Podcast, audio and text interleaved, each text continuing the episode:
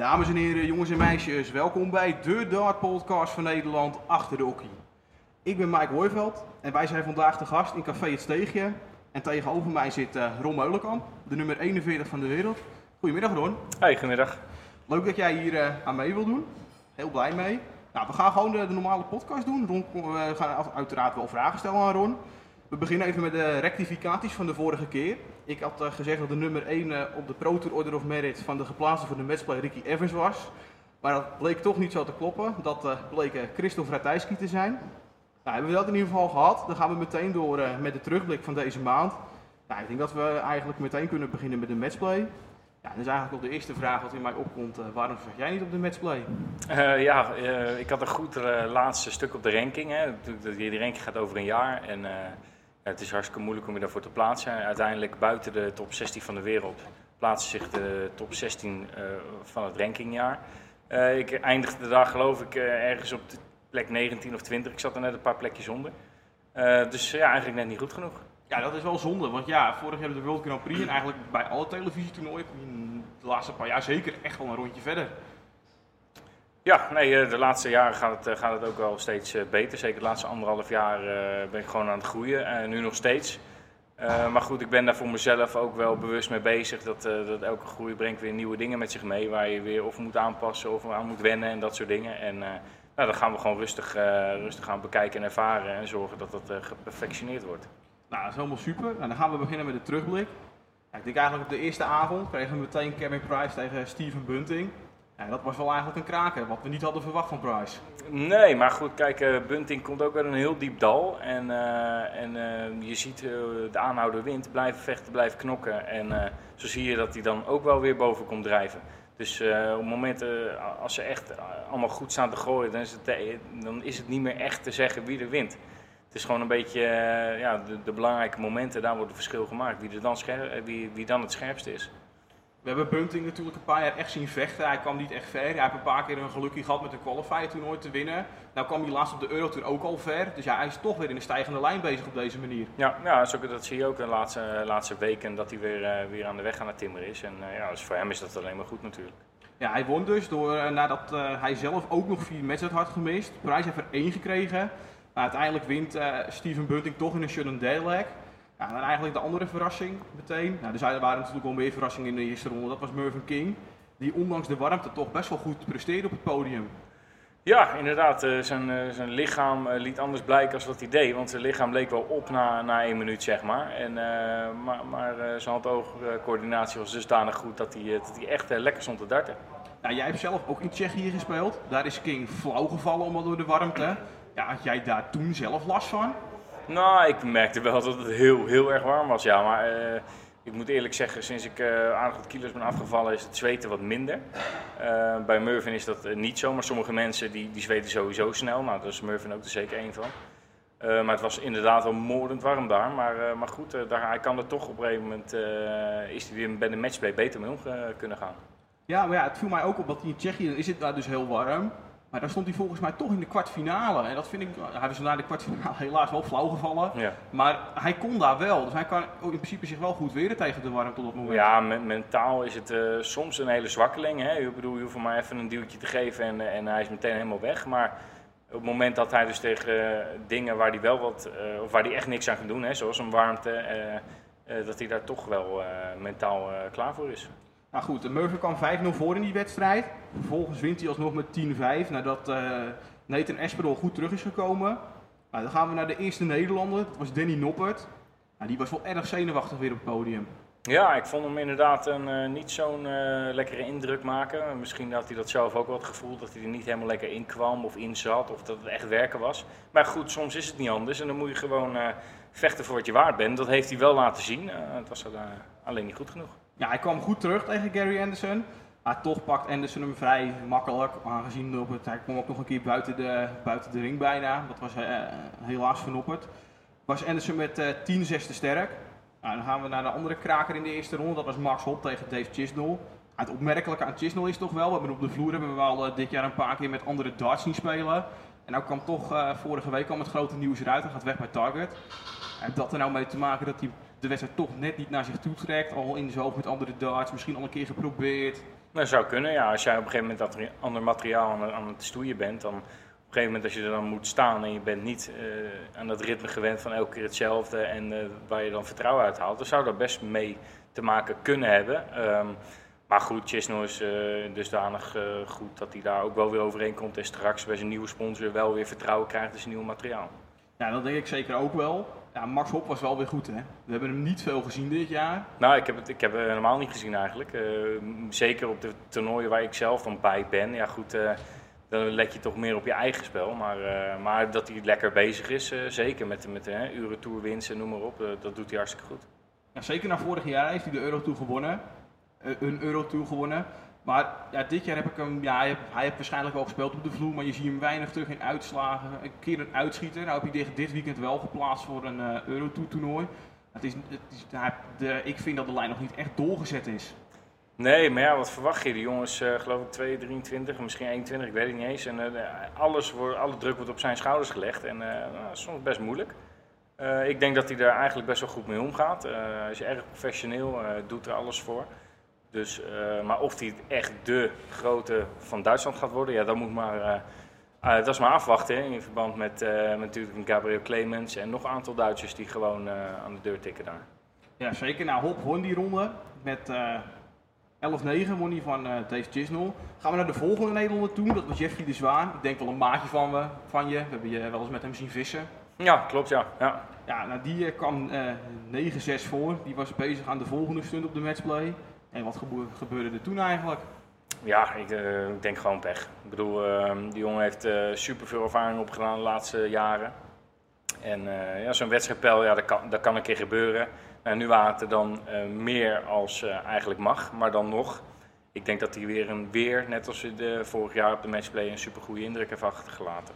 Ja, hij heeft zeker laten zien dat, hij, ja, dat het echt een podiumspeler is. Want op de vloer is het nog wel eens wisselvallig. Zeker een paar Eurotours qualifiers, waar hij er dan even goed met 111 gemiddeld toch nog afgaat.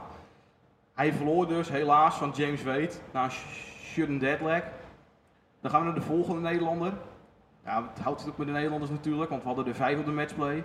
Dat was Jermaine Watimena. Die kon het totaal niet bolwerken tegen Mensen Surjovic. Het werd 10-1.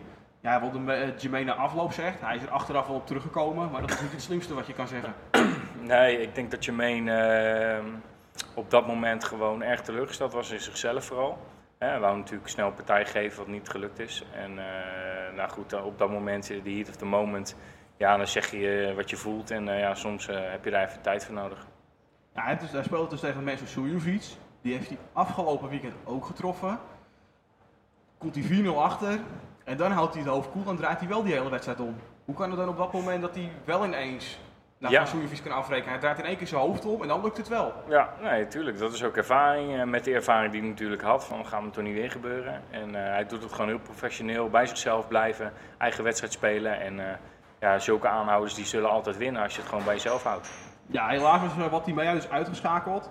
Ja, Michael van Gerwen won uh, vrij gemakkelijk van Steve Beaton. Ja, vrij gemakkelijk. Ja, het ging lang gelijk op, maar ja, Michael trok het toch naar zich toe geen Michael gemiddelde, maar ja, we weten ongeveer dat Michael al een tijdje op de sukkel is. Dan gaan we naar de laatste Nederlander, dat was Vincent van der Voort. Wat begon die goed, hè? Ja, die heb ik uh, van dichtbij zitten, tenminste van dichtbij. Ik zat in de studio bij RTL 7. En uh, ik heb echt van genoten. En ik, uh, ik baalde echt dat hij, dat hij die 164 om zijn oren kreeg. Ja, dat was inderdaad erg jammer. Ja, daarna blijft hij echt nog wel goed bij. Maar op stond bij volgens mij was het, uh, Rice in ieder geval, die had vijf legs gewonnen. Ja, toen brak hij toch wel. Ja, inderdaad. Maar er was ook wel een momentje. Kijk, uh, Vincent die, die, had waarschijnlijk voor zichzelf voorgenomen van nou, ik moet gewoon super hard starten. Zorg dat ik die voorsprong uh, pak en, en, en Wright niet in zijn spel laten komen. En dat was het scenario perfect. Dat gebeurde ook tot die 164. Ja, en dat is op een gegeven moment zo'n klap, die, die voel je na een paar legs nog wel, zeg maar. Op het moment dat Peter Wright terugkomt, dan weet je, ja, dat, daar is het begonnen. Ja, en dan moet je terugknokken en dat, daar gaat tijd overheen zitten. En, uh, en Wright, die, die gooit gewoon fantastisch. Dus uh, ik denk dat, uh, dat Vincent gewoon een beetje pech heeft gehad in de combinatie met, ja, met zelf toch ook wel een tevredenheidsgevoel dat hij toch echt wel goed heeft staan gooien. Dat zijn we eigenlijk niet gewend van Vincent, tevredenheidsgevoel. Hij is vaak heel erg analyseren op het podium, je ziet hem ook snel. Ja, maar het is wel een realist en dat is zo, uh, van Vincent kan ik dat heel erg waarderen. Die, die zal ook zeggen van, ja, het zat er gewoon niet in vandaag, uh, hij was beter. En dat heeft hij ook verteld, alleen dat wil nog niet zeggen dat hij heel slecht was. En dat was het ook zeker niet. Nee, ik vind het was zeker niet slecht. Nou, we hebben in ieder geval uh, bijna de eerste ronde gehad. Uh, voor mij was het de wedstrijd van de eerste ronde. Ik weet niet of het voor anderen ook zo was. Dat was Durant versus Adrian Lewis. Lewis die nog steeds al twee jaar heel wisselvallig is. Het kan een weekend enorm goed vallen. Dat zag je dat hij dit jaar nog een Pro Tour won. Vindt hem veel wisselen van materiaal.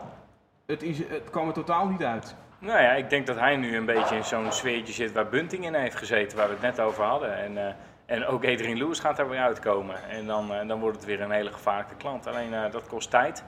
En het is maar net wat voor persoon het overkomt. Hè? Hoe mentaal sterk ben je? Wat heb je ervoor over om weer terug te komen? En hoe ga je dat aanpakken? En is dat de goede manier? Dat, dat moet blijken bij Lewis.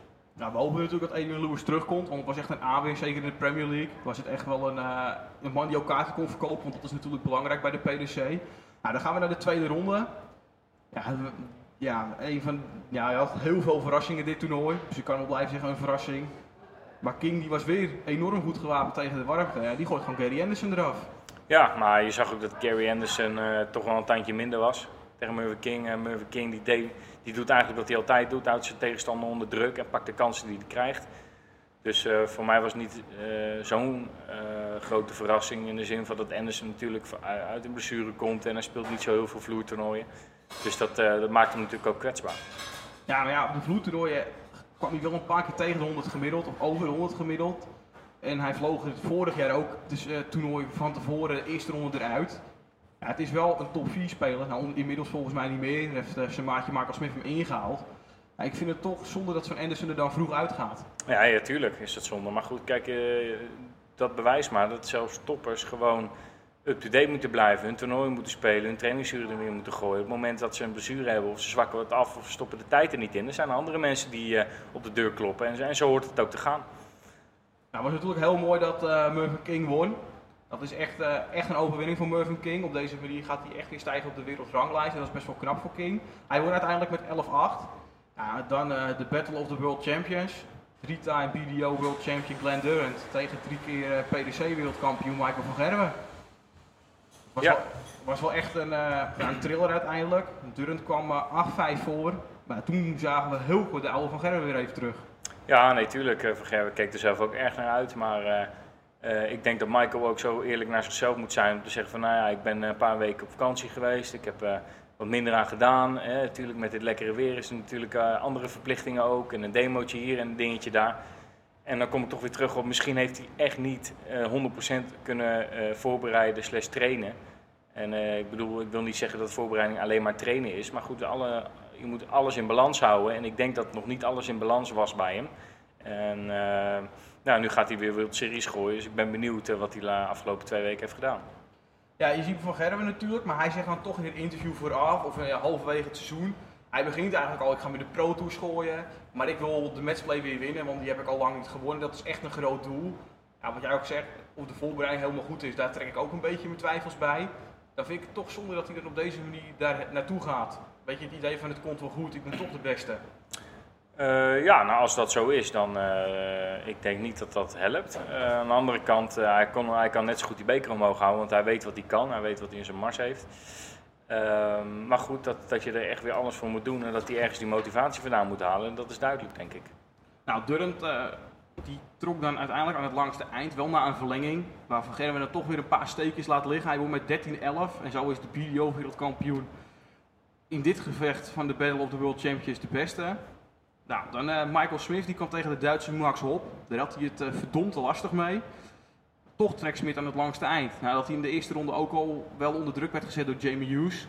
Ja, nee, sowieso Jamie Hughes, uh, goede speler. Die had net Tsjechië gewonnen, dus Michael Smith was gewaarschuwd. Ik denk dat hij daar gewoon een hele lekkere pot gevoel aan over heeft gehouden dat hij die pot won.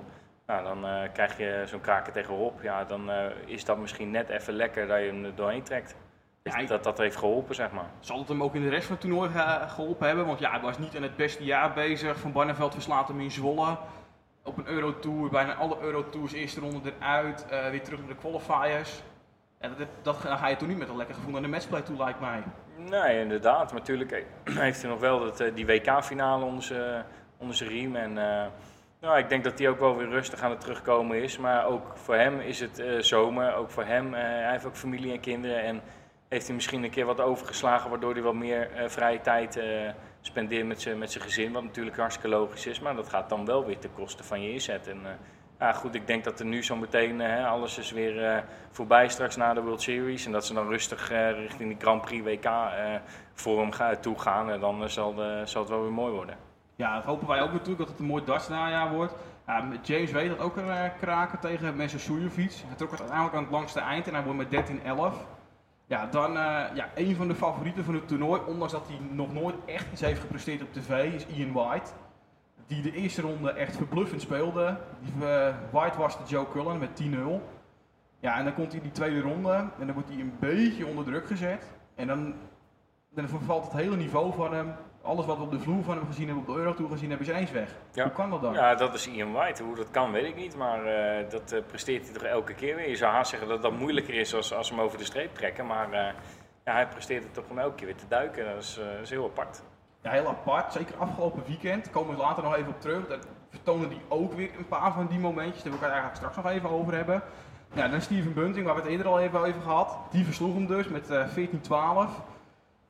Rob Cross en Peter Wright gingen alle twee vrij eenvoudig door. Van de nummer 1 op de, de plaatsingslijst van de Pro Tour op dit moment Christopher Ratajski en tegen Simon Whitlock. Ja, Whitlock is er ook nog niet helemaal dit jaar. Wel op Nee. de Eurotour een keer goed, maar Ja, nee, Whitlock die is heel erg overtuigd van zichzelf, maar eigenlijk is het allemaal niet zo heel veel. En, eh, eh, in- naar de behoren wat hij kan, zeg maar. Hij kan eh, zo, zoveel meer. Alleen ja, het is aan hem, om- hem om te, te kijken, veel, waar ligt het dan aan? Is het materiaal, is het inzet, is het, ja, je weet je niet. Ja, nou hadden we ook gehoord dat Whitlock aan het golven is en in de sportschool bezig is. Nou, is dat nou ook een idee waar jij nog over nadenkt? Nou, ik, eh, ik hoef niet te golven hoor, nee, dank je. Nee, ik hou het wel gewoon bij dartbord. Nee, oké. Eh, nou, in de kwartfinales, eh nou, King dat was, de, was toch even te veel voor King. Hij kon lang bijblijven. Uiteindelijk trekt Michael Smith toch aan het langste end. Nou, dan komen we terug op Glenn Durant.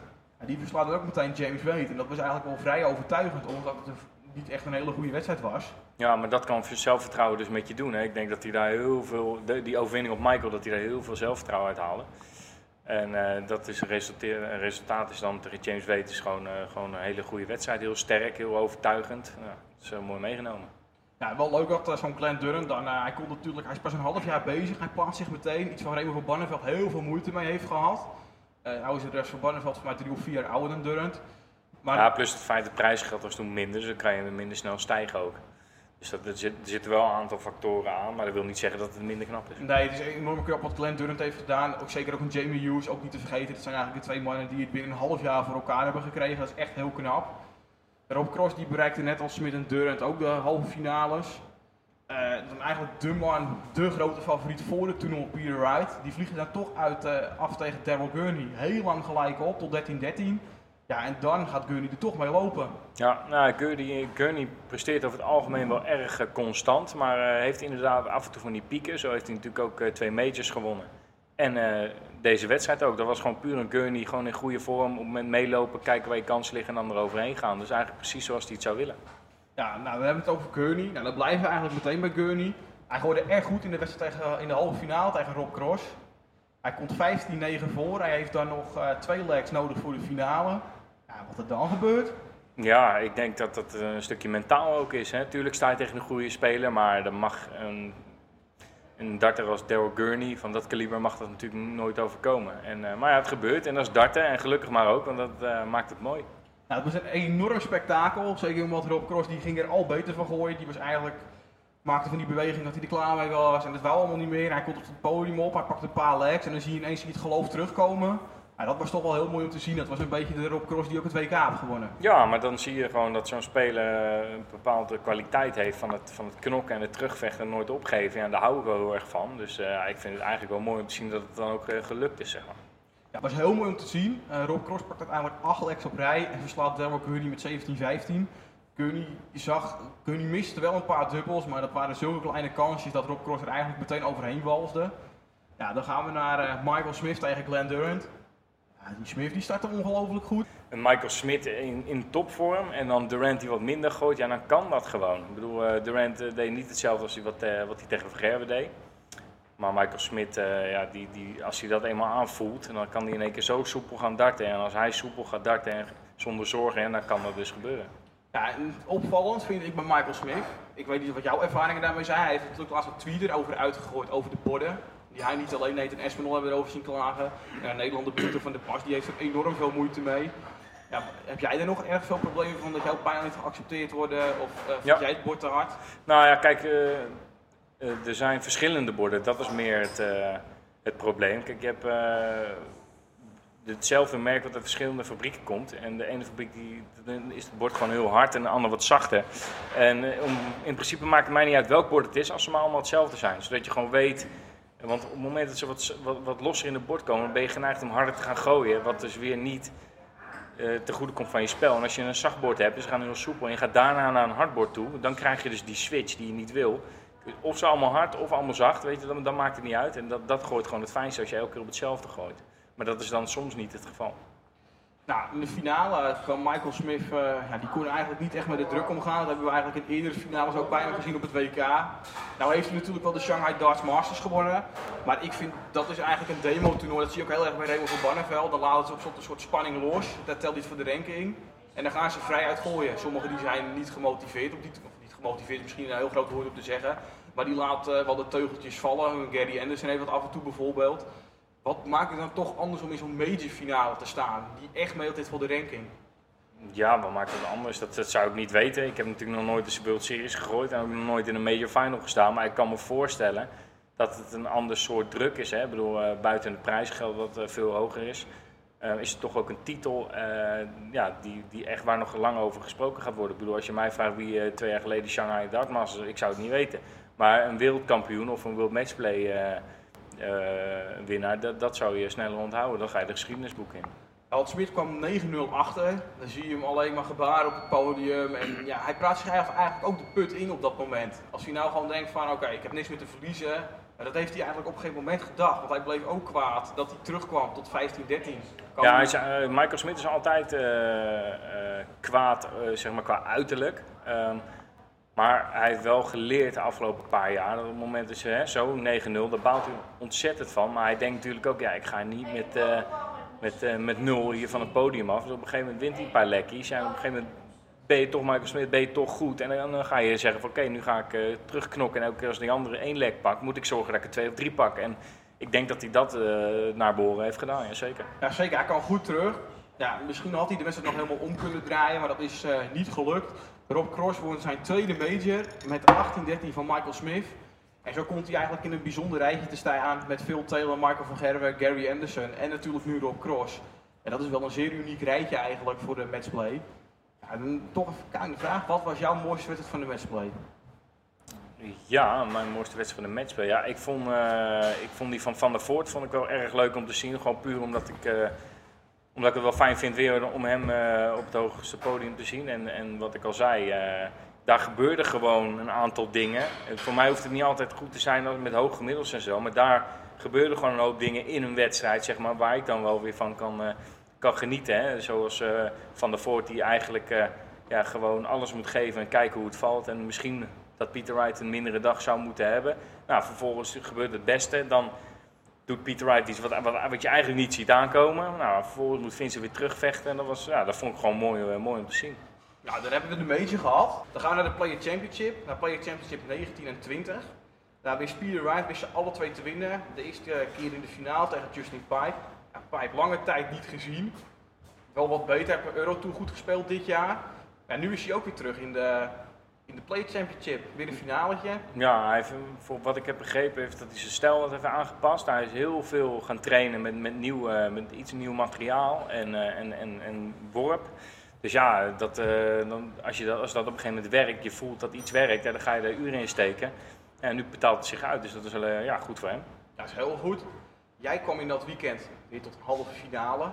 Dan zie ik jou toch weer mopperen in die halve finale. Wat je de hele dag loopt het op zich wel redelijk. Het is, ja, su- het is natuurlijk momenten, want het is natuurlijk niet de hele dag hetzelfde niveau. Wat maakt het dat jij steeds in die halve finale eh, een bepaalde druk begint te voelen of iets begint te voelen dat het ineens niet loopt? Nou, toevallig was het die dag waar eh, hadden ze nieuwe borden bij eh, op alle banen. En toen moest ik in keer op een hard bord waar ik zelf van erg van baalde. En toen dacht ik ook wel, oké, niet te hard gaan willen gooien. Ze blijven toch wel zitten, weet je wel, dat idee. Maar op, ook in een halve finale heb je gewoon druk en spanning. En dan ga je toch wat meer forceren. En ik was dus eh, voor mijn gevoel te veel aan het forceren dan aan het darten. Ja, dat maakt het eigenlijk dat het gewoon een belabberde wedstrijd werd. Ja, je ziet jou een beetje klagen op slot, een beetje van waarom, waarom valt het niet? En- Nou ja, tuurlijk, want eh, daarvoor gooide ik gewoon eh, prima wedstrijden. Ook op verschillende soorten borden. Dus, maar daar lukte dat ene moment wel. Dat ik dacht oké, je staat nu met een ander bord, maar probeer het gewoon relaxed te houden in je arm. En dat liep wel. Eh, en eh, ja, nu werkte dat dus niet. Dus dat, eh, meer, daar was ik wel teleurgesteld over. Maar over het algemeen was het gewoon weer een prima dag. Gaan we ook al in jouw hoofd spelen mentaal? Van oké, we zijn nu in de halve finale. ik- Oh, nee, helemaal niet. Nee, daar ben je helemaal niet mee bezig. Nee, helemaal niet. Want een halve finale is gewoon goed. En eh, er komt gewoon een keer vanzelf dat ik wel goed genoeg, goed, genoeg, eh, goed genoeg gooi in de halve finale om, om de finale te bereiken. En voor mij is het heel simpel. Moment dat je in de halve finale staat, sta je in de halve finale. Gooi je goed, ga je door. Gooi je niet goed, ga je eraf. En eh, of het nou de eerste ronde is of daar, dat maakt niet uit. Nee, wijze woorden. Dan eh, is het even eh, een goed weekend voor Christian Kist, die eigenlijk een beetje staat te spelen om zijn toolkaart te behouden. Wat vind jij van die jongens die daar echt mee bezig zijn? Dus dan heb ik het over een Dirk van Duivenbode, uh, Benito van der Pas staat op het randje. Kijk, als die wel die Eurotour goed staat, goed speelt, dan kan hij in één keer wel een hele grote stap maken. Maar een Kist en Van Duivenbode, ja, ze horen eigenlijk qua niveau op sommige momenten echt thuis binnen de PDC. Ja. Maar het is gewoon, zeker waar van Dirk van Duivenbode, is het niet altijd constant. Nee, dat klopt. Maar ik, eh, ik denk dat hij veel beter kan. eh, moet ook. Eh, alleen ja, mentaal valt er nog wel heel veel te halen bij hem. Maar als hij op een gegeven moment zijn kopie goed heeft zitten, ja, dan kan hij zulke goede hoge wedstrijden gooien, constant ook. Ja, dan is hij gewoon heel moeilijk bij te houden. Alleen op een of andere manier voelt het wel soms dat hij zichzelf soms tegenhoudt. Ja, want het is apart. Soms, ge- hij heeft een qualifier gegooid dit jaar. Dat is niet afgelopen weekend, maar het weekend, of eh, de Euro Tour ervoor waar hij zich heeft voor geplaatst. Daar gooit hij voor, in mijn weten drie keer rond de 100 gemiddeld en een paar keer boven. Hij heeft ook de UK Open een paar jaar terug echt goede wedstrijden laten zien. Ja, ik denk dat dat echt het niveau is van die jongen. En ja, ik denk dat hij zichzelf echt tekort doet. Ja, nou ja, dat is ook wat ik zeg. Soms heb ik het gevoel dat hij, dat hij zichzelf tegenhoudt. Alleen, ja, darten is dus niet alleen maar rechtdoor gooien en eh, wat kunnen en een beetje talent. Nee, alles moet kloppen. Hè? Dus ook je mentaal eh, fitheid, eh, gewoon de trainingsuren erin, het juiste materiaal en alles moet gewoon kloppen. En als er een paar dingen niet in balans zijn, ja, dan kan je nog, nog, net zo, nog, nog zo goed zijn, maar dan, dan werkt het dus niet. Hij staat als het goed is momenteel nog boven jou, niet of aan de pas. Wisselt veel met pijlen. Zie je hem nou weer met zijn oude pijlen spelen. Heeft een heel wisselend effect. Eh, de ene keer, nou wat jij al zegt, jullie spelen natuurlijk op wisselende borden. De ene keer vallen ze er wel uit en de andere keer staat hij echt subliem te spelen. Echt, we hebben het over 110 gemiddeld, dat zit echt natuurlijk in die jongen. Ja, wat vind jij er nou van dat zo'n jongen echt zo diep benadeeld wordt, eigenlijk door deze kwestie? De kwestie van materiaal bedoel je? Ja, nou, materiaal slash borden. zijn Ja, gewoon- nou, maar goed, dat is ook een beetje zijn speelstijl. Kijk, eh, daar had er ook last van toen hij goed was. Dus kan- je kan er weinig van zeggen. Het enige wat ik weet nu is dat hij de laatste weken wel weer sterk aan het dart is. Eh, en ja, vanuit daar moet hij gewoon verder. Het heeft geen zin om terug te kijken. Hij was, zijn prestaties vooral waren gewoon supergoed. Mentale gesteldheid was volgens mij ook erg goed. En ja, dat is hij eigenlijk allemaal kwijtgeraakt naar mijn idee. En, eh, en nu weer langzaam aan het oppakken. Dus ja, dat zijn dingen waar elke darter wel mee te maken heeft. Alleen bij die ene, die zakt wat dieper weg als een ander. Uiteindelijk eh, zijn ze zelf verantwoordelijk eh, dat ze weer terug moeten komen. Nou, dan gaan we naar afgelopen weekend zijn ook twee Player Championships gespeeld. Hou jij één keer de kwartfinale ja, en je mist die dag daarna mis jij 39, één pijltje dubbel 12, net niet. Ja, alweer. ja, ik heb er al een aantal gemist. Maar goed, elke keer als je er één mist, kom je dichterbij dan een keer wel raakt. Dus eh, nou goed, misschien eh, het weekend, eh, aankomende, aankomende weekend bij de PDC weer. misschien is hij dan wel raak, je weet het niet. We hopen in ieder geval voor je natuurlijk. Eh, je haalt die dag vooral een kwartfinale, maar in die wedstrijd had je bijna een 39 gegooid. Eh laat je in mijn ogen de touwtjes wat vieren. Je begint te lachen met Ryan Harrington, als je tegenstander op dat moment. Op, slot sta je op dubbel 10. Dan gooi je, gooi je ja, tegen de ijzer, dat is ook een beetje pech. Dan begin je te lachen, verlies je een beetje je concentratie. En eigenlijk vanaf dat moment pakt Harrington de hele wedstrijd over. Want Ja. echt Ja, dat klopt ook. Eh, ik denk dat, eh, dat er eigenlijk vanaf de, de, de leg dat ik begin te missen om mijn dubbels. En dat was elke keer tik, tik. En ik zit te kijken, nou weer niet erin, weer niet erin. Ja, op een gegeven moment moest ik daar gewoon zo hard om lachen. Van ja, eh, kijk, er zijn een paar plekjes waar je hem niet wil hebben. En ik gooi één pijl en pof precies waar je hem niet wil. Ja, op een gegeven moment werd ik een beetje moedeloos van. En eh, uiteindelijk eh, zie je dus wat er gebeurt. Hij ziet het ook. En eh, hij gooit wel die hoge finishes uit, een 126 en een 120 en eh, noem maar op. Ja, dan, dan voel je al gewoon van ah, vandaag wordt het hem niet. Terwijl ik voelde dat ik wel veel beter was. Maar ja, uiteindelijk eh, maak je het gewoon niet af en dan verdient hij gewoon eh, de wedstrijd. Nou, het was eh, de Play Championship eh, 22 werd gewonnen door Brandon Dolan. Met eh 8-5 van Jermaine Watimena. Watimena had eh, een heel goed weekend. Eh, Dolan was erg emotioneel onder zijn eh, overwinning. Na lange tijd eh, heeft hij eigenlijk weer een titel te pakken. Denk je nu echt dat Dolan weer echt terugkomt? Of was dit net eigenlijk een beetje als met Lewis, is een keer een uitschietertje? Nou ja, je weet niet, je weet niet wat met zo'n jongen doet. Ik bedoel, hij, hij heeft, ehm, Dolan heeft periode gehad eh, van jaren dat hij echt heel erg gewoon in de top meedraaide. Heel erg goed speelde, constant ook. Hele goede finishes. En ehm, voor mij heeft hij een keer met materiaal gewisseld en toen is het een hele, tijd niks geworden. Maar misschien is dit juist net die boost die hij nodig heeft. En kijk, je wint hem niet uit het niks. Dus hij zal waarschijnlijk al een tijdje lekker staan gooien.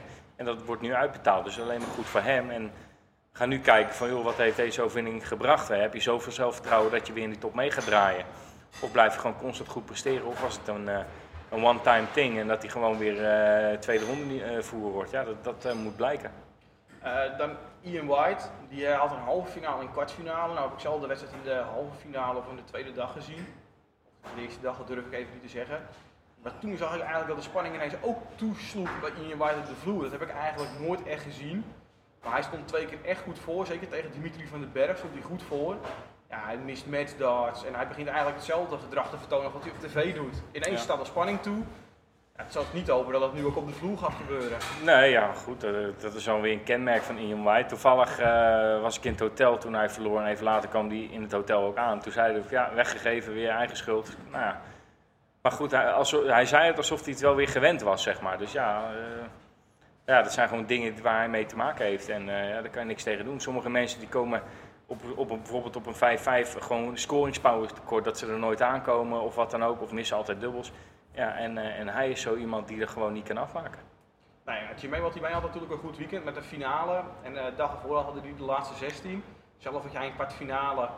Ja, en helaas een eerste ronde eruit. Noppert haalde de halve finale tijdens Player Championship 21. We hadden ook een eh, paar debutanten. Nou, een hoop eigenlijk. Arjen Konterman, Danny van Trij, Patrick van der Boogaard en eh, Wessel Nijman maakten een debuut op eh, de PDC eh, Pro Tour. Barry van Peer en Jerry Hendricks waren al lange tijd weer terug met hun rentree. En zeker van Peer en Nijman, die hebben zich echt wel weer laten zien. Zeker Nijman, jong talent. Die kon de tweede dag tot de laatste 32. Slaat een grote naam in de eerste ronde. Ja, nee, dus netjes. Ik bedoel, die jongens kunnen even aan ruiken hoe het aan toe gaat. En als je daar goed op inspeelt, of eh, je reageert er goed op, dan, dan kan dat gewoon. Dus die jongens hebben het niveau.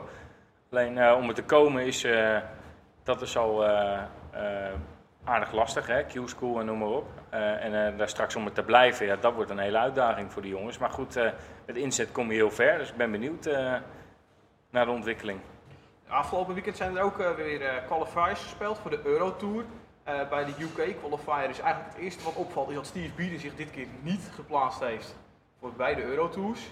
Helaas na een hele mooie run dit jaar. Eh, Michael Smith en Simon Whitlock, die alle twee uit de top 16 zijn gevallen van de seeding voor de Eurotour, die hebben zich wel geplaatst. Dan bij de, eh, bij de Europese qualifiers eh plaatst Dirk van Duivenbode zich. Die heeft weer een goede dag en terecht. Die plaatst zich op zijn eigen niveau. Jeffrey de Zwaan plaatst zich. En voor mij toch wel een beetje een verrassing is dat Mike Kouwenhoven zich plaatst.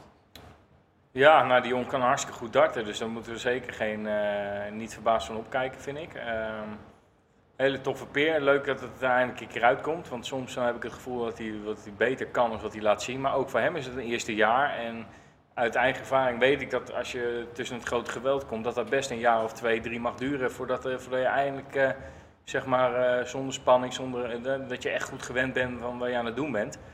Dus nee, die jongen krijgt gewoon nog lekker tijd en het is alleen maar goed dat hij zich een keer er doorheen worstelt. Ja, over nieuwkomers gesproken. We hebben dit jaar een hoop Nederlandse nieuwkomers. Ziet toch dat het een beetje tweede ronde voer wordt. Of eerste ronde voer, helaas. En ja, ze hebben zich alle twee volgens mij al wel geplaatst voor een Eurotour dit keer. Nou, Mike van Kouwenhoven sowieso. Volgens mij Mike van Duivenbode ook al een keer dit jaar. Ja, je ziet toch, dat lukt dan wel een keer. Maar is dat puur geluk met loting? Of Nee, nee, nee, je moet echt wel kunnen darten, wil je daar een keer plaatsen. Maar eh, wat wel zo is, is, is ehm, dat, dat je kan niet meer van geluk spreken of je kan niet meer spreken van, eh, van eh, eh, eerste ronde voor twee. Het, is gewoon, het zijn allemaal finales die je daar speelt. En eh, goed, eh, die jongens die krijgen de ervaring nu om te kijken van, goh, weet je, hoe zit het nou zo'n best of 11? En zo, ik weet nog dat Mike van Duivenbode de eerste paar rondes elke keer eerste ronde ging zitten. Vervolgens komt hij weer eerste ronde, werd het 5-5. Tegenstander zet hem weg en dan gooit hij wel een 157 uit. Ja, en dat is dan die ervaringen die je dus meepakt. En dan kan je zo weer het tweede jaar in met, met alle ervaringen op zak. En dan moet je zorgen dat het tweede jaar uh, beter wordt. Ja, zeker. Die jongens hebben echt wel ervaring. Anders kom je natuurlijk Q-School niet door. Je zag zelf van Glenn Durant hoeveel moeite die ermee had. Dus Q-School is echt niet voor, uh, voor minder, minderheden. Er komen echt wel goede jongens de PDC in. nou, andere verrassing die zich plaatst voor de tweede keer dit jaar is Kim Huibrechts. Toch aan het afzakken. Ook op de vloer niet echt goed was een paar maanden, eigenlijk al het hele jaar al niet lekker. Die is wel echt ver afgezakt de laatste tijd. Ja, Kim uh, ja, die is gewoon uh, vooral met zichzelf bezig. Ik denk gewoon even weer zo'n dippie. Ik denk dat, uh, dat er dan weer andere jongens opstaan, waardoor hij dan weer wat, wat minder in de spotlight zit. Maar dat, dat zie ik ook nog wel goed komen. Hij is goed genoeg om zich daarvan te herpakken. En ja, ik denk dat we die snel wel weer zien. Vooral zeker op het WK straks Play Championship Finals. Daar moet hij gewoon weer stappen maken. Zodat hij er straks weer gewoon bij zit. Nou, we weten natuurlijk dat hij het kan op grote toernooien, dus ik denk dat dat niet het probleem moet worden. Ik denk dat een van die twee toernooien zeker wel uh, mee gaat zitten. Nou, dan hebben we de qualifiers voor de International Darts Open. Daar plaatst uh, zowel Michael Smith als Simon Whitlock niet. Die worden verslagen. Whitlock wordt sowieso verslagen door uh, Robinson. Voor de rest niet heel veel verrassingen. Nederlanders die heen gaan zijn Jeffrey de Zwaan, Danny Noppert, Benito van der Pas en Jelle Klaassen. En bij de, voor de Belgen is dat Dimitri van den Berg die zich plaatst. Uh, Jeffrey de Zwaan uh, slaat een dubbelslag. Die gaat dus naar twee Euro Tour events. Ja, ik vind toch dat hij zich in zeker begin van dit jaar echt wel tekort heeft gedaan op die qualifiers. Hij loopt voor mij twee keer tegen Gabi Rodriguez op. En die verliest hij alle twee net aan. Alle twee tik boven 110 gemiddeld. Ja, hoe kan het zijn? Hij heeft zoveel talent. We zien het zelf op tv er echt uitkomen. Hij trekt toch twee keer niet naar zich toe, terwijl hij, terwijl hij zo goed staat te spelen. Ja, maar goed, die anderen zijn ook heel goed, weet je. Dat is, dat is een beetje het verhaal. Kijk, zo'n Robbie John, ja, die zie je bijna niet, weet je wel. Komt niet echt in de uitslagen voor, maar één op één is het altijd lastig. Ja. En als je dan, uh, ja, of hij uh, gaat een keer boven zijn niveau, of je laat een keer wat liggen. Ja, dat zijn tegenwoordig de kleine kansjes waardoor een hele wedstrijd kan omdraaien. Dus ja, het is heel makkelijk om te zeggen van ja, Jeffrey is goed, dus hij moet er altijd zijn. Maar zo werkt het niet. Nou, een andere vraag. Wat vind jij over de, over de Eurotour qualifiers? Want zowel jij als, uh, nou, ik mag wel zeggen, je maakt je Raymond van Barneveld zien vaak met, je, met hem trainen. Halen alle twee niet, terwijl jullie eigenlijk qua niveau wel echt thuis horen op die Eurotour. Ja, maar ik vind eigenlijk dat wij dus, uh, wij zijn met een mannetje of 39 tourkaarthouders spelen wij de qualifier en er zijn maar zes plekken. Dus ja, dat betekent dat er gewoon 33 zich niet plaatsen. En natuurlijk zijn er wat eerste jaar zo wat mindere. Nou, dan hou je er nog tien over die zich net zo makkelijk kunnen plaatsen als die andere zes. Dus ja, ik, eh, ze zijn bezig met de kwalificatiecriteria uh, te vernieuwen. En ik hoop dat dat ook doorgaat, want zo is het gewoon te weinig voor de Europeanen om te spelen. jullie als Europeanen worden natuurlijk erg benadeeld. Er komen er nog Home Nation qualifiers en een qualifier voor mensen die Challenge Tour spelen. Wat vind je daar nou van? Kijk, die jongens hebben natuurlijk geen tourkaart.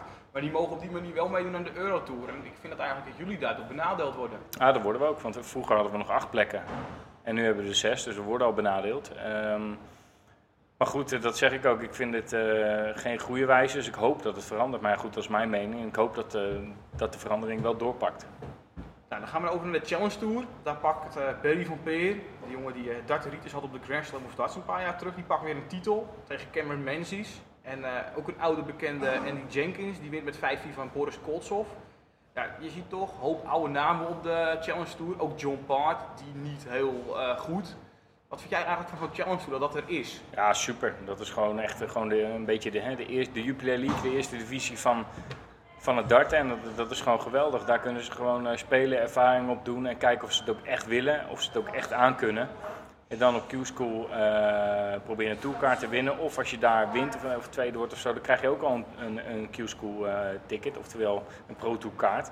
Um, dus dat is gewoon alleen maar goed, dat je gewoon kan promoveren via die weg. En dan heb je weer een mooi jaar of twee jaar ervaring. En uh, ja, dat vind ik echt hartstikke goed. Nou, jij speelt competitie hier natuurlijk, ik heb tegen je. Ja. die, dat gooi je met Coastal Bay, die zien wij terug op de Challenge Tour nog niet heel goed dit jaar. Ik vind dat hij zichzelf erg tekort doet, in zeker in bepaalde wedstrijden. Heel veel darts op dubbel mis. Scoren is echt wel in orde bij Co.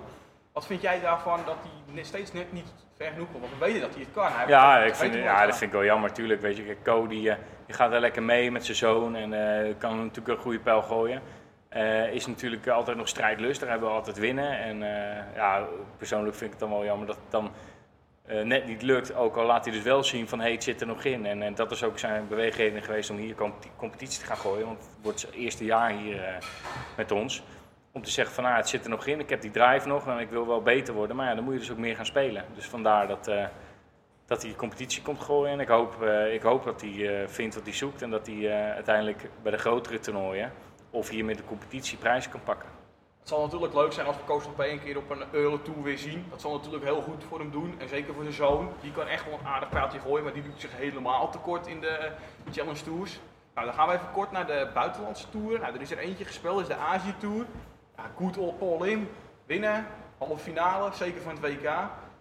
Hoop je nou dat je ook een keer tegen hem mag gooien? Of vind je het leuk dat zo'n jongen, zo'n man nog steeds meedoet? Of heb je zoiets van, nou, dat heb Paul nu wel gezien? Nee, die, die mag voor mij tot, totdat hij uh, niet, meer, niet meer kan lopen, bij wijze van mag hij meedoen voor mij. Want het is gewoon een fantastische vent om te zien.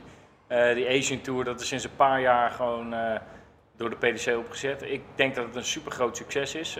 die gasten staan daar echt super goed te gooien.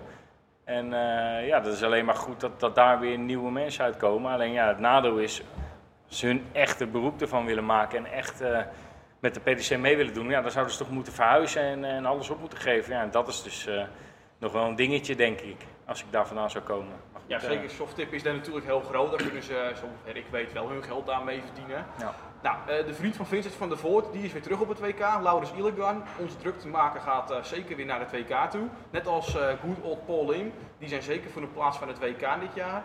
Uh, de overige twee plaatsen zijn nog niet zeker. Er worden nog twee Azië Tours gespeeld. Momenteel staan uh, Normal Ligdem en Saigo Asala virtueel op een WK-plek. Roydon Lam staat nog 400 pond achter een WK-plek. Uh, je hebt eigenlijk dus een beetje 5, 6 namen die echt daar voor een WK-plek strijden. En de rest die doet eigenlijk mee. In die Yuki Yamada wel een toernooi.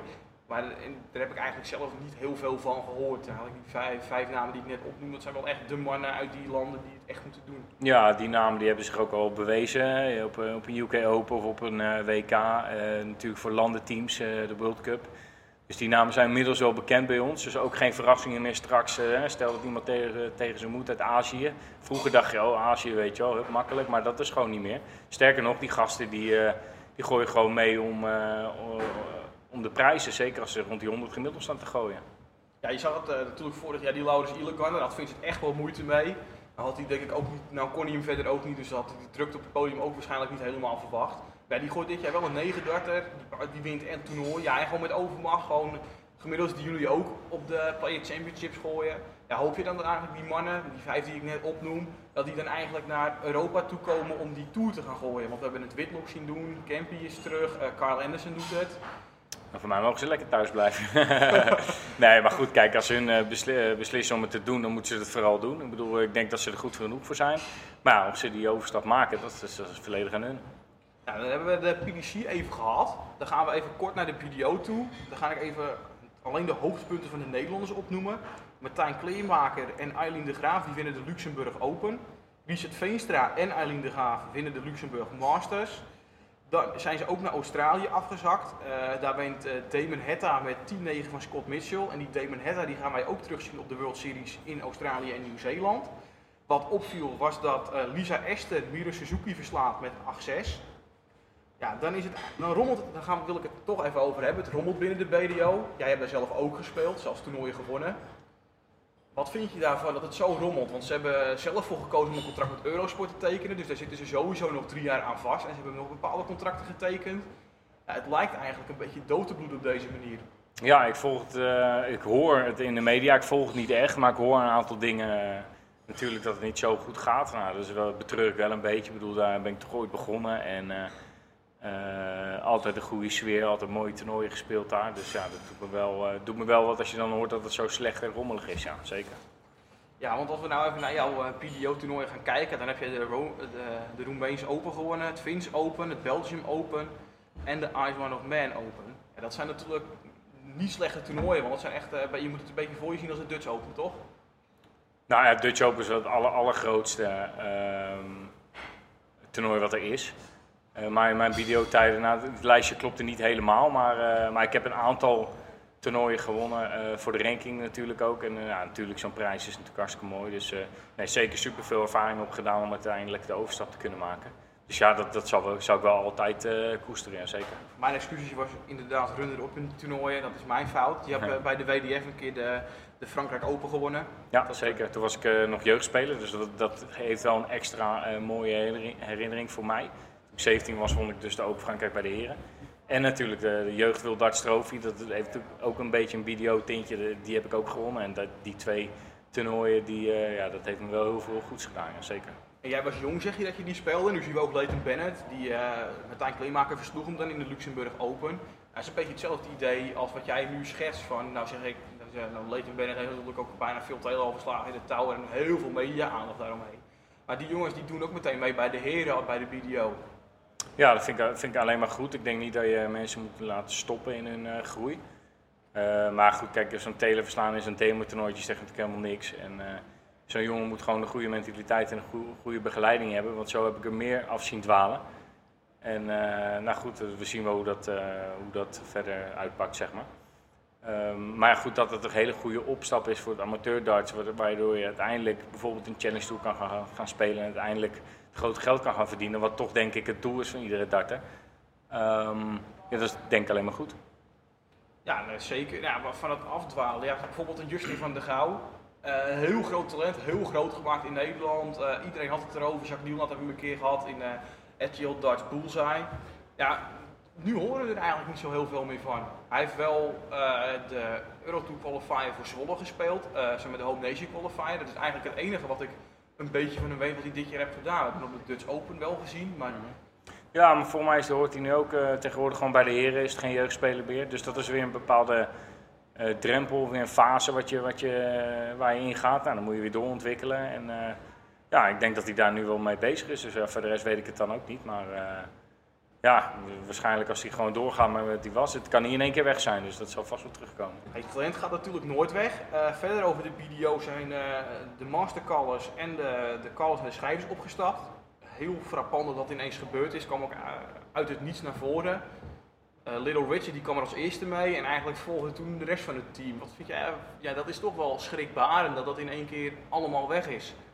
Nou ja, zeker. Ik bedoel, ik las het ook en ik dacht van nou oké, er zal er vast wel wat aan de hand zijn. Eh, niet, dat weten wij dan verder niet, eh, maar goed, ze zullen vast een goede reden hebben daarvoor. En eh, maar goed, ik wens ze met alle succes met wat ze nou in de toekomst gaan doen.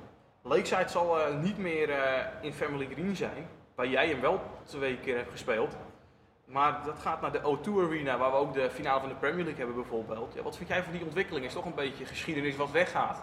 Nou ja, zeker inderdaad. Dat is zonde denk ik. Ehm, elke nieuwe speler die nu eh, het BDO-WK gaat gooien, die zal nooit ervaren wat, wat wij allemaal hebben ervaren, waar het allemaal begonnen is. Maar goed, ontwikkelingen zijn er eh, ja, om nieuwe dingen te, te laten zien. En misschien eh, is het voor de BDO alleen maar goed, maar dat is, eh, dat is afwachten. Nou, dan hebben we de BDO gehad, dan gaan we naar het eh, amateurniveau. Nou ja, amateurniveau, er zit hier een tourkaarthouder tegenover me, die heeft ook aan dat toernooi meegedaan. De Premiership, helaas werd hij verslagen door eh, Dennis Oldekalter. Ja, ik denk dat je jezelf daar toch tekort doet. Want je bent natuurlijk daar wel tourkaarthouder. Ik dacht dat jij samen met Kist en Kamphuis toch wel een van de grote favorieten was voor dat toernooi. En dan moeten we natuurlijk Dennis Oldekalter ook niet onderschatten. Die jongen kan echt wel darten. Wat is jouw gevoel daarbij bij dat toernooi? Eh, nou, ik heb dat toernooi eh, gespeeld omdat de organisatie, eh Dinant Kist, had mij benaderd van, goh, kom eens een keer meedoen. Dat is leuk, een mooie ervaring en ik zou het echt top vinden als je komt. Nou ja, ik vind Dinant een van de betere organisaties in Nederland. Waardoor ik dacht van, nou goed, gaan we gewoon, gaan we gewoon een keer doen. En, eh, maar voor mij is het gewoon pure goede training. En, en, en dat is voor mij gewoon heel belangrijk, dat buiten het, eh, buiten het PDC-circuit, dat je er genoeg tijd en energie in stopt. Ja, en als je dan een keer eh, wat verder weg moet gaan rijden, of je moet er wat meer energie in steken, dat vind ik niet erg. En eh, voor mij is het gewoon alleen maar goede training. Dus ook die wedstrijd die ik verloor was een goede training en de wedstrijd die ik won ook. Dus eh, ik heb me prima vermaakt. Nou, Dennis Oldekalter wint dat toernooi. Die heeft de vierde editie van de Premiership gewonnen. Hij versloeg ook eh, Christian Kist nog. En in de finale versloeg hij Alexander Pas met 7-4. Nou, wil ik eigenlijk even terugkomen over jou, over je topsportmentaliteit. Je bent natuurlijk enorm afgevallen. Dat is echt een supergoeie ontwikkeling. Je test heel veel materiaal. Je test van alles. Eh, Doe je dat nu nog steeds? Of heb je nu echt wel gezegd van dit is nu mijn setje? Nou, materiaal eh, test ik niet meer, want ik zit bij 180, dus dan gooi ik nu al, na het WK ben ik meteen, want toen lag het al klaar, heb ik meteen spullen van 180 gepakt, heb ik daarmee gaan darten. Ehm, ja, voor de rest eh, ja, ben ik gewoon, eh, gewoon lekker bezig eigenlijk. Ja, je- ja, ik vind eigenlijk dat dit echt topsport is. Zeker hoe jij het benadert. Als ik alles heb gehoord van eh, Niels de Ruiter bijvoorbeeld, wat hij allemaal heeft verteld, heb jou over RTL 7. En je bent er wel echt serieus mee bezig. En dit is echt je werk. Ja, nou ja, zo zie ik het ook. Ik, bedoel, ik ik heb, ik heb een gezin thuis dat ik moet onderhouden. En als je dan denkt dat het maar een spelletje is en het komt allemaal aanwaaien, ja, dan werkt het niet. En dan denk ik ook niet dat het thuis al zo gewaardeerd wordt. Dus eh, ik moet het gewoon, eh, gewoon zakelijk zien en professioneel. En eh, ik denk dat ik dat wel doe. Je treedt veel met Raymond van Barneveld zien we vaak. Je zal ook wel ongetwijfeld andere jongens spelen. Maar die heeft ook een beetje die ingesteldheid. Is dat, is dat een beetje de reden waarom je het ook bent zo gaat benaderen? Dat Raymond heeft gezegd van hé Ron, het is geen Nou, spelletje. Nou, er zijn een aantal mensen waardoor ik wel zo ben gaan, gaan, naar, naar ben gaan kijken. En daar is Raymond er een van, daar is Code er een van. Ehm, die jongens, Niels de Ruiter, eh, daar ging ik vroeger heel veel mee om. Eh, toen we allebei het BDO-circuit af, eh, afliepen.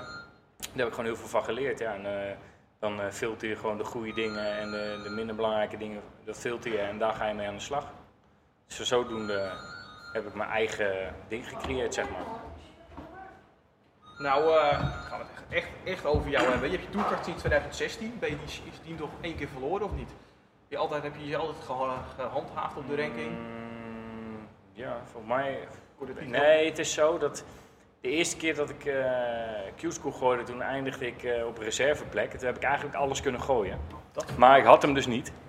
En toen heb ik hem ja, daarna wel gehaald. Dus eigenlijk heb ik eh, drie jaar gespeeld, maar één keer het hele jaar gespeeld zonder toekaart. Nou, eh, je hebt het WK gehad in 2015, dus zonder tourkaart. Dat is best eh, Ja. knap als je dat zonder tourkaart kan. Helaas verlies je dan wel met 3-1 van Mark Webster. Was dat echt de eerste keer ervaring opdoen? Je hebt dit jaar bijvoorbeeld Nou. gezien bij een Geert Neentjes. Ja, echt, wat, eh, ja, nee, dat klopt. Wat, ik, wat ik me kan herinneren van die wedstrijd is dat ik met 40 graden koorts op bed lag. En echt t- drie uurtjes van tevoren douchen en die kant op en het liefst zo snel mogelijk weer naar, naar de hotelkamer. Dus dat was niet zo heel erg ideaal.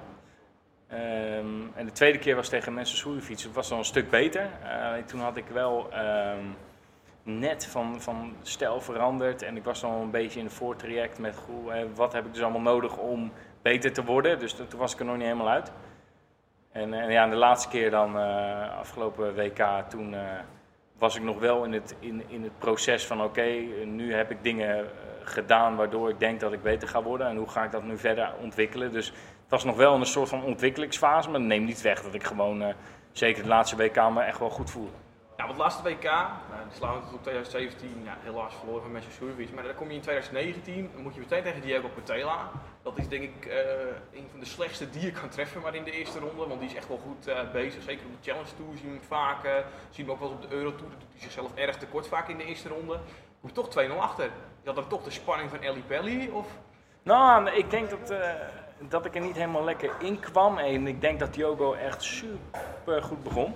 Waardoor ik echt zoiets had van, hé, hey, weet je, dat had ik echt niet verwacht. En misschien, eh het was zeker geen onderschatting, maar echt zo van, hé, hey, eh, deze dreunen die, die gaan erg hard. En op een gegeven moment ging ik eigenlijk een beetje relaxen toen ik tegen mezelf zei van... Weet je, Ron, ga maar gewoon darten, want die jongen doet het echt niet slecht. En op het moment dat jij je verliest, dat kan ook gewoon gebeuren omdat hij goed gooit. En toen relaxte, ik wat en toen, eh, toen ging het eigenlijk alleen maar beter. En toen begon ik te vechten en erin te geloven en toen ging het super hard. Ja, want je komt daarna, eh, ja, je staat hem op Alex natuurlijk tegen Portela, maar je komt echt uit die pauze, tweede pauze, kom jij terug. Ja, dan zien we eigenlijk in mijn ogen echt de ware Romeulenkamp, de vechter, je komt goed terug. Je geeft hem eigenlijk bijna geen kansen meer en je maakt het heel netjes af. Dus had echt die mentale knop, je zet een mentale knop om en dan zien we pas jouw ware Romeulenkamp. Ja, ja, nee zeker. Op een gegeven moment eh, kreeg ik het gevoel van, hé, hey, eh, nu heb ik hem, nu kan ik hem pijn doen, nu kan ik eh, mijn slag slaan. Ja, en daar probeerde ik alles aan te doen. En ik denk dat ik, ja, super, super laatste stuk van de wedstrijd heb, heb gespeeld. Ja, zeker. Je bent door naar de ronde 2. Dan kom je tegen ja, finalist Michael Smith.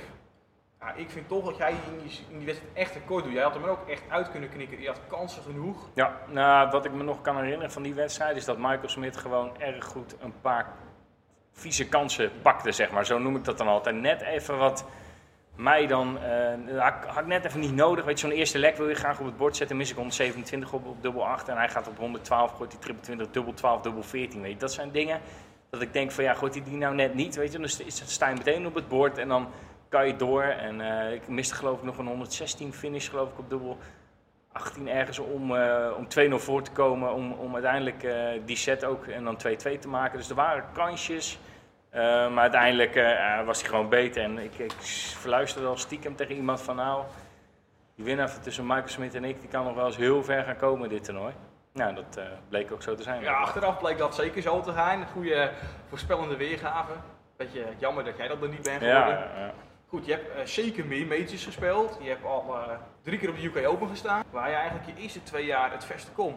Eerste jaar tegen uh, Raymond van Barneveld, je voorbeeld. Denk ik toch wel, dat heb ik je ergens horen zeggen. Nou ja, natuurlijk. ik, denk, ik denk wel voor velen, dus dat, dat maakt ook niet uit.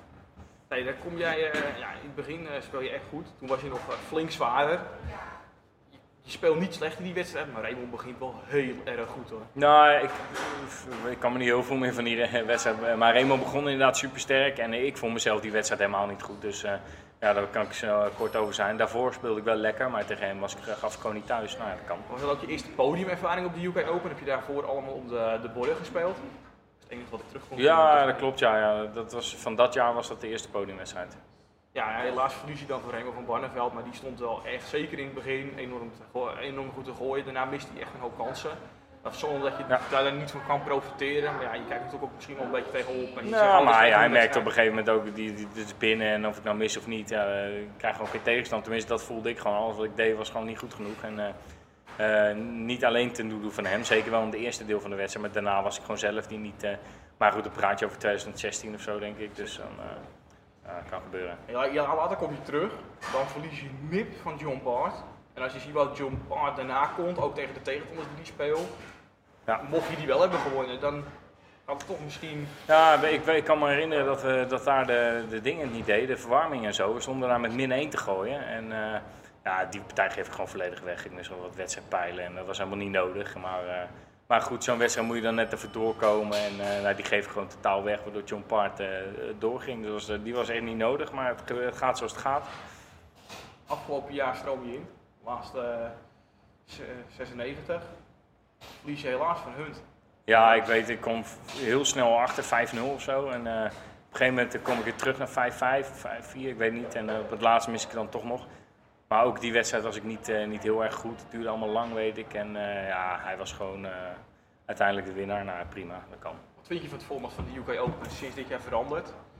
Wat vind je daarvan? Ehm, nou ja, ik vind de UK Open sowieso altijd wel een speciaal toernooi. Ik vind het ook wel leuk dat de PDC allemaal verschillende soorten toernooien heeft. Hè. Dus matchplay, legs, WK, sets, Grand Prix dubbel in, dubbel uit. En ook zo'n UK Open is gewoon anders met, met podiumbanen achter de schermen en hoofdpodia. En, nou, dat vind ik, wel wat hebben. Ja, en, en, en ja, afgelopen jaar helaas je, slechtste resultaat op de UK Open. Nou, dan gaan we naar de Play Championship Finals. Dan ben je één keer bij de laatste 16 gekomen tegen Peter Ryan, dat was in 2016. Dat is eigenlijk ook meteen je beste resultaat. Het is eigenlijk een toernooi waar je sinds dat je eigenlijk beter bent gaan spelen, niet echt verder bent gekomen. En ik denk dat dat toch, zeker voor uh, jongens die we niet heel veel op de tv zien, dat toch wel het toernooi is waar je het moet doen nou, daar ben, ik, daar ben ik het zeker niet mee eens. Omdat uh, het feit is, de Play Championship Finals wordt, wordt uh, iedereen gezien. Dus op het moment, uh, je moet bij de top 64 komen. Dus daar kom je dan. Maar goed, dan ben je een, in, in dat geval in 2017 ben je gemiddelde spelers. Dus dan zit je ergens rond plek 40. Dat betekent dat jij al een top 20 speler krijgt, rond de 24e plek. En, en die heeft dus een supergoed seizoen gedaan. Die speelt altijd tegen iemand die beter als je is. En uh, daarna wordt het alleen maar uh, zwaarder. Dus ik kan me herinneren dat ik daar bijvoorbeeld in 2017 de eerste ronde Steven Bunting kreeg. Toen Gary Anderson en toen Peter Wright. Dus ja, dat zijn lotingen waar niet zomaar iedereen doorheen fietst. Dus het is, ja, het is een heel zwaar toernooi. Alleen op het moment dat je dus een heel goed seizoen hebt gedraaid op de Play Championship, ja, dan ga je het dus andersom krijgen. Dan ben je een goed geschiede speler en dan krijg je dus spelers die in eerste instantie en net hebben gehaald. En vervolgens krijg je dus wel uh, de middenmoot en de top. Dus dan is het meer zeg maar gestaag als dat je meteen die toppers krijgt. Ja, maar je, maar je wel op het moment Gary Anderson. Dat, dat is, geen, dat is absoluut geen slechte speler. Nee, nee maar, dat, maar dat, is, dat kwam dus ook omdat... Uh, uh, dat had er denk ik ook mee te maken dat Anderson niet alle vloertoernooien speelde. Waardoor hij zelf dus ook niet een hele, hele hoge ranking had. Want hij moest... Stel dat hij had gewonnen, had hij tegen, meteen tegen Peter Wright gemoeten, die wel in de top 4 stond, geloof ik. Um, maar goed, ja, nee, ik won van Enders. Ik speelde een hartstikke goede wedstrijd, goede finishes op de juiste momenten. En uh, ik kan me goed herinneren dat ik daarna uh, moest ik s'avonds weer tegen Peter Wright bij de laatste 16. Dus op dezelfde dag had ik ze. En dan ben ik daarna even wat gaan eten en uh, dat is niet goed gevallen. Dan ben ik heel erg misselijk geworden. En tegen Peter Wright was ik blij dat ik weer heel snel van het podium af kon zijn. Het was wel erg zonde, want ik voelde me erg lekker tot aan toen. En ik had zeker mezelf het vertrouwen was er zeker dat ik kon gaan winnen. Totdat ik op een gegeven moment net voor de wedstrijd nog overgeven en zo. Dat was echt eh, was heel erg zonde, maar het was een super mooi, eh, mooi weekend. Eh, je wint van Bunting en je wint van Anderson. Dus uh, nou, mag zeker niet klagen dan. En natuurlijk daar heb je echt een goed weekend gegooid en er zit echt wel een gestaafde lijn in. Je hebt afgelopen jaar heb je op de World Grand Prix gestaan. Dan ben je na een zeer mooie wedstrijd tegen Joe Cullen. Zeker de laatste set, die was echt, en daar zagen we dus echt de goede Ron Meulenkamp zagen we daarin ronde daarna dan komen we eigenlijk weer een beetje terug wat, wat ik op de WK ook al zei. Je doet jezelf echt tekort in die wedstrijd. Je komt 2-0 achter, je maakt 2-2. Dus je echt, de, het geloof is er. En dan verlies je hem helaas toch. Ja, ik kan me nog goed herinneren dat het een momentje was dat Gurney zich helemaal bij de pakken neer uh, voelde in ieder geval. Ik bedoel, het stond gewoon 2-2 in Ik was teruggekomen en het momentum lag echt bij mij. En op een gegeven moment had hij zoiets van, ja, weet je, ik moet iets doen om, eh, om terug te komen in de wedstrijd. Want die Meulenkamp gaat wel heel hard. Ja, toen kreeg ik in één keer een brul in mijn gezicht direct naar mij toe. En daar kon ik gewoon op dat moment even niet mee omgaan.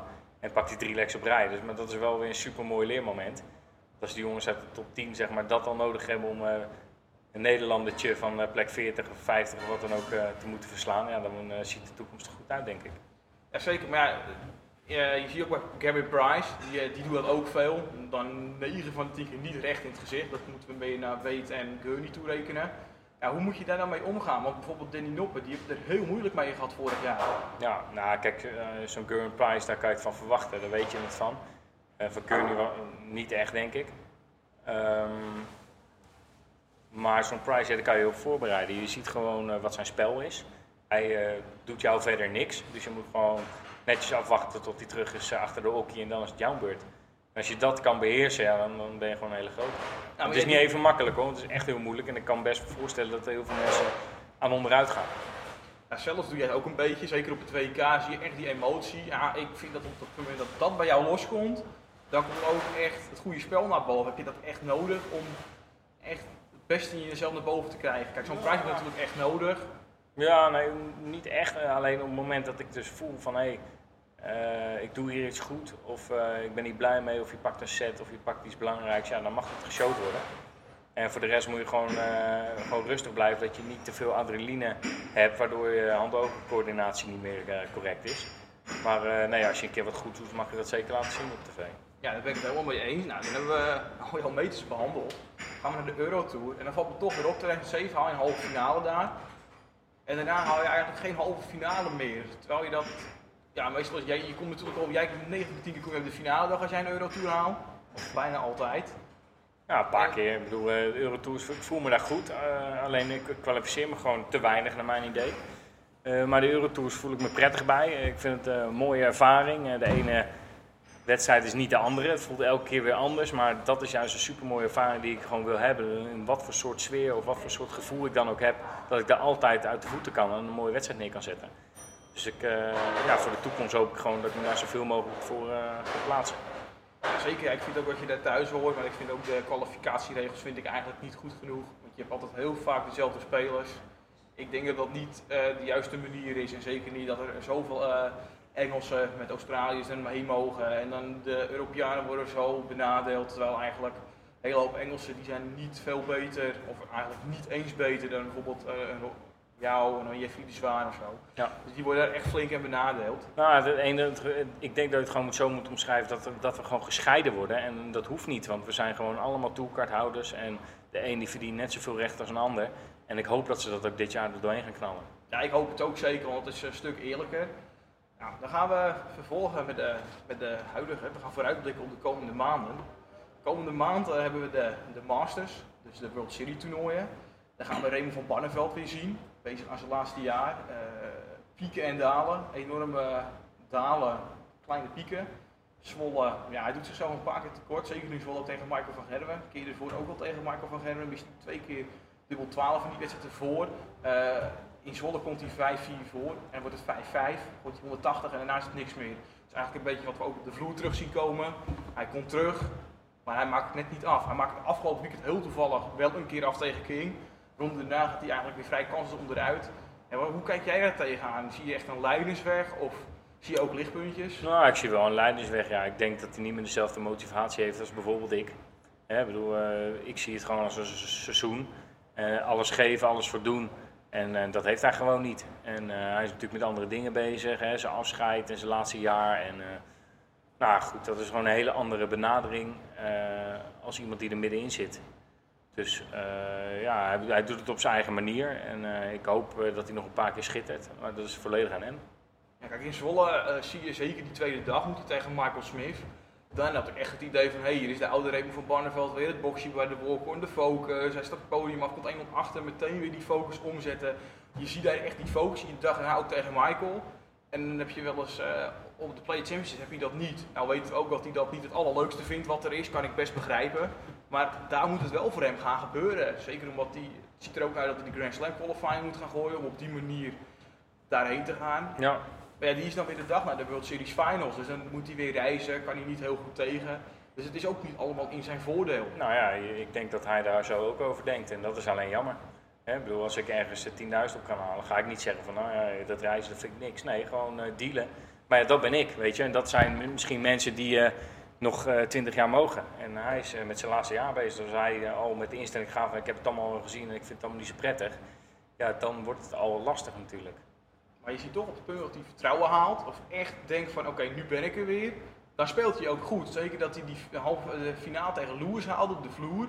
Eh Legbacher, die, ja, die verprust het gewoon. Die had hem gewoon moeten winnen. Ja, natuurlijk. Maar dat, het heeft dus ook puur met instelling te maken. Echt niet met talent. Want dat heeft hij meer als, als wie dan ook. Dus eh, het is gewoon pure instelling. Op hij, als hij zegt van ja, mijn instelling eh, is nu 20%, nou, dan ga je dus dat dus ook eh, zulke eh, gekke dingen krijgen, onnodige dingen. Wat we sinds vorig jaar ook zien bij Van Barneveld, is dat op de niet gerankte toernooien speelt hij ineens heel goed. En dan moet er voor de ranking gespeeld worden. Nou, achteraf blijkt natuurlijk de scheiding ook effect te hebben. Daar wil ik het verder niet te veel over Mhm. hebben. Maar we weten van andere sporters dat het ook echt wel invloed heeft op je mentale gesteldheid. Ja. Maar het lijkt nu allemaal weer wat terug op de rit te zijn, heel ontspannen. Maar verwacht je nu ook dat hij in eh, Australië, Nieuw-Zeeland, dat we ineens weer wat goeds van hem gaan zien? Ja, tuurlijk, want dat kan die ook gewoon. Alleen kijk, als je weer ranking en niet-ranking toernooien gaat scheiden, is dat weer negatief.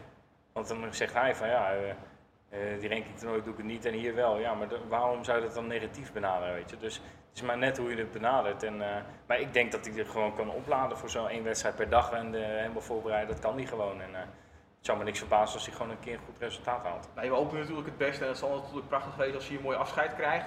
Verder wordt er bij de, eh, dus we hebben drie, eh, dus bij de PDC hebben we dus drie World Series toernooien. We hebben eh, bijna elke keer drie verschillende mensen die uit Oceanië mee mogen doen. Eigenlijk de bekendste namen die eigenlijk elke keer wel terugkomen, dat zijn eh Kyle Anderson, Corey Campy en Damon Hetta. De rest eh, wisselt, wisselt wat af. Nou, de namen van de PDC, dat zijn natuurlijk de top 4, oh nee, niet meer de top 4 van de wereld. Toen de tijd dat de, de sheets ge- ge- gemaakt werden, was dat de top, 8, de top eh, 4 van de wereld. Momenteel is eh, Michael Smith daarin komen te staan. Michael van Gerwen zien we, Rob Cross, Gary Anderson, Daryl Gurney, Peter Wright, James Wade, Simon Whitlock en natuurlijk Raymond van Barneveld. Ja, ik denk zeker die eerste rondes. Kijk, we hebben waarschijnlijk zes wedstrijden die heel leuk zijn in de eerste ronde, misschien vier. Maar je hebt toch de kans dat je Kyle Anderson of Corey Campy treft in de eerste ronde. Ik denk dat je daar niet echt op zit te wachten. Ook al is het een demo-toernooi. Nee, zeker. Ik bedoel, je wil daar gewoon presteren. Op het moment dat je daarheen vliegt, eh, zoveel uur, dan eh, wil je echt wel winnen. Ehm, dan kom je daar met een missie, denk ik. En, eh, ja, nee, tuurlijk. Loting zegt wel wat, niet alles. Ik bedoel, je moet het zelf doen. Dus ik ben erg benieuwd. Ik kijk wel naar uit. Ja, nou, wij kijken er natuurlijk ook naar uit. Bij de BDO worden er ook nog wat toernooien gespeeld. Twee in België. De Antwerp Open en de Belgium Open. De Swiss Open wordt gespeeld. De France Open en de France Classic. Waar jij eh, nog eens een keer runner-up bent geweest. En de Scottish Classic. We gaan nog even kijken naar de, de World Grand Prix race. Zeker met degene die voor mij zit, Rob Meulenkamp. Ja, jij staat op plek 25. Je staat 8000 pond achter. Is het echt een doel voor jou nog om dit te halen? Nee, nee, nee. Dat heb ik al. eh, het is natuurlijk niet onmogelijk. Maar ehm, kijk, eh, er zijn nog eh, vier eh rankingtoernooien en drie Eurotour toernooien voor die ranking. Nou, alle drie de Eurotour heb ik me niet voor geplaatst.